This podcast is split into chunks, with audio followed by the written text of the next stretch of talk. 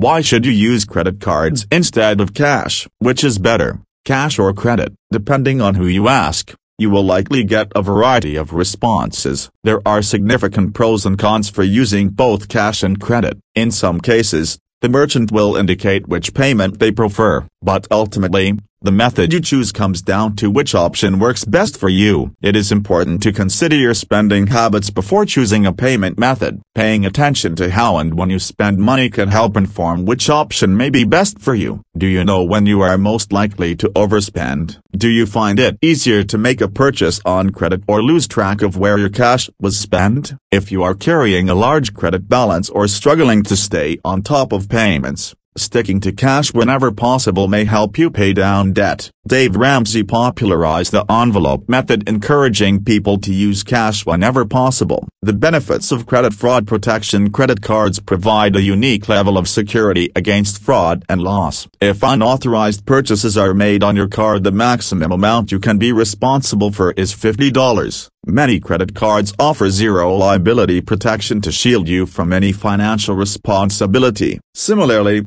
if you notice charges on your statement that you did not authorize, report the charges to your provider. In many cases they will reverse the charge immediately. Debit card liability is $50 if reported within two business days after learning about the theft or loss. That amount increases to $500 if it is reported after two days but less than 60 business days. Fraudulent purchases or withdrawals not reported within 60 days are your full responsibility. Many credit cards also offer you the chance to freeze a card if it is out of your possession or you simply don't want to be able to use the card without further thought. The feature protects you from purchases made without your approval to unfreeze the line of credit. Purchase protection and insurance Purchase protection is a free service that covers damage or theft of items purchased on your eligible credit card. Your card may also offer extended warranties, price protection if the cost or the item drops or return protection allowing extra time to return merchandise. The benefits of cash versatility It seems like a simple term,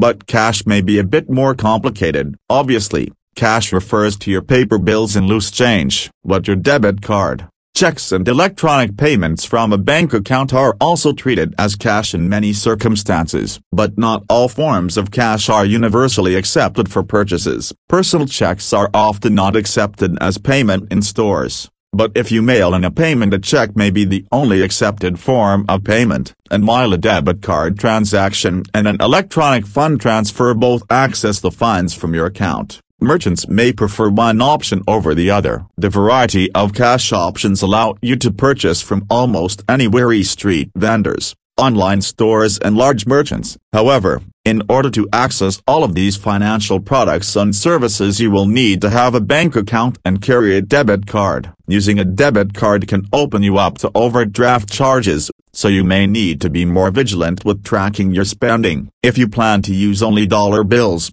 there will be a few more challenges. You will need to make more frequent trips to the bank and ensure you have small enough bills to prove correct change for friends or small vendors. You also risk loss if your wallet is stolen. Cost savings when making payments for utilities, income taxes or car registration. You may notice a convenience fee for the use of a credit or debit card. In many cases this fee can be avoided when using cash check or an electronic fund transfer. Be aware that some of those entities charge a convenience fee for the online payment service, as well. Additionally, some merchants may advertise a reduced price for cash payments. This practice is most common at gas stations. In many states, the merchant is allowed to pass the card processing fee on to the customer, usually between 1% and 3.5%. Some states will allow up to 4%. If you are regularly saving 1% to 4% on your tank of gas by paying in cash,